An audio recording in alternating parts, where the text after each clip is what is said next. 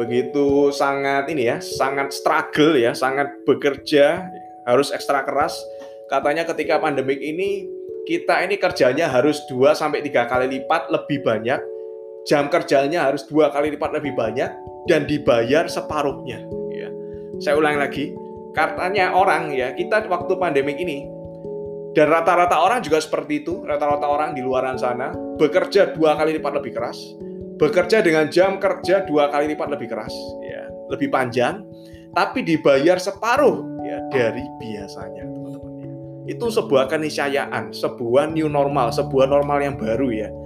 Dan itulah ya di era disrupsi ini kita ini cuman dianggap sukses itu ketika kita survive ya, ketika kita survive, ketika kita kita nggak yang namanya pengusaha udah nggak mikirin lagi mewah-mewahan, nggak mikirin lagi bisa beli ini baru, beli ini baru, no. Survive aja udah bagus ya. Simpan punya simpanan duit aja udah bagus teman-teman ya. Jadi kita ekstra ya, kerjanya ekstra, energi yang dikeluarin ekstra, modal yang dikeluarin ekstra, tujuannya apa? Untuk survive ya. Itu sebuah new normal ya sebuah keniscayaan baru. Kita lihat ya akibatnya, kita lihat banyak yang di PHK, kita lihat bisnis-bisnis banyak yang bangkrut dan ini bukan ini ya, bukan teori ya. Ini benar-benar terjadi ya, realita ya. Realita itu artinya benar-benar terjadi, sedang terjadi dan mungkin bisa beberapa tahun lagi ya. Saya berpikir ya, 2020 kemarin 2000 20 kemarin mungkin pandemi 2021 pasti udah selesai. Ternyata kita udah di 2021 ya, hampir pertengahan 2021. Dan saya mungkin berpikir lagi ya, mungkin 2022 ya, mungkin selesai ya.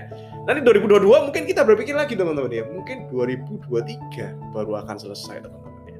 Pertanyaannya, kalau teman-teman mengerjakan hal yang sama seperti tahun 2019, seperti tahun 2020 ya mungkin nanti teman-teman berharap sesuatu yang bagus terjadi dan melakukan hal yang sama terus-menerus, itu tidak baik teman-teman ya. Hasilnya kita akan jatuh, kita akan dilindas teman-teman ya.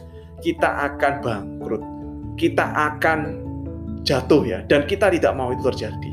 Oleh karena itu today ya hari ini saya minta dengan sangat ya, saya minta dengan hati yang tulus supaya teman-teman apa? Open your mind ya. Bukalah terhadap sebuah peluang-peluang baru, buka pikiran teman-teman ya, buka juga hati teman-teman supaya teman-teman siap ya untuk menerima sebuah solusi.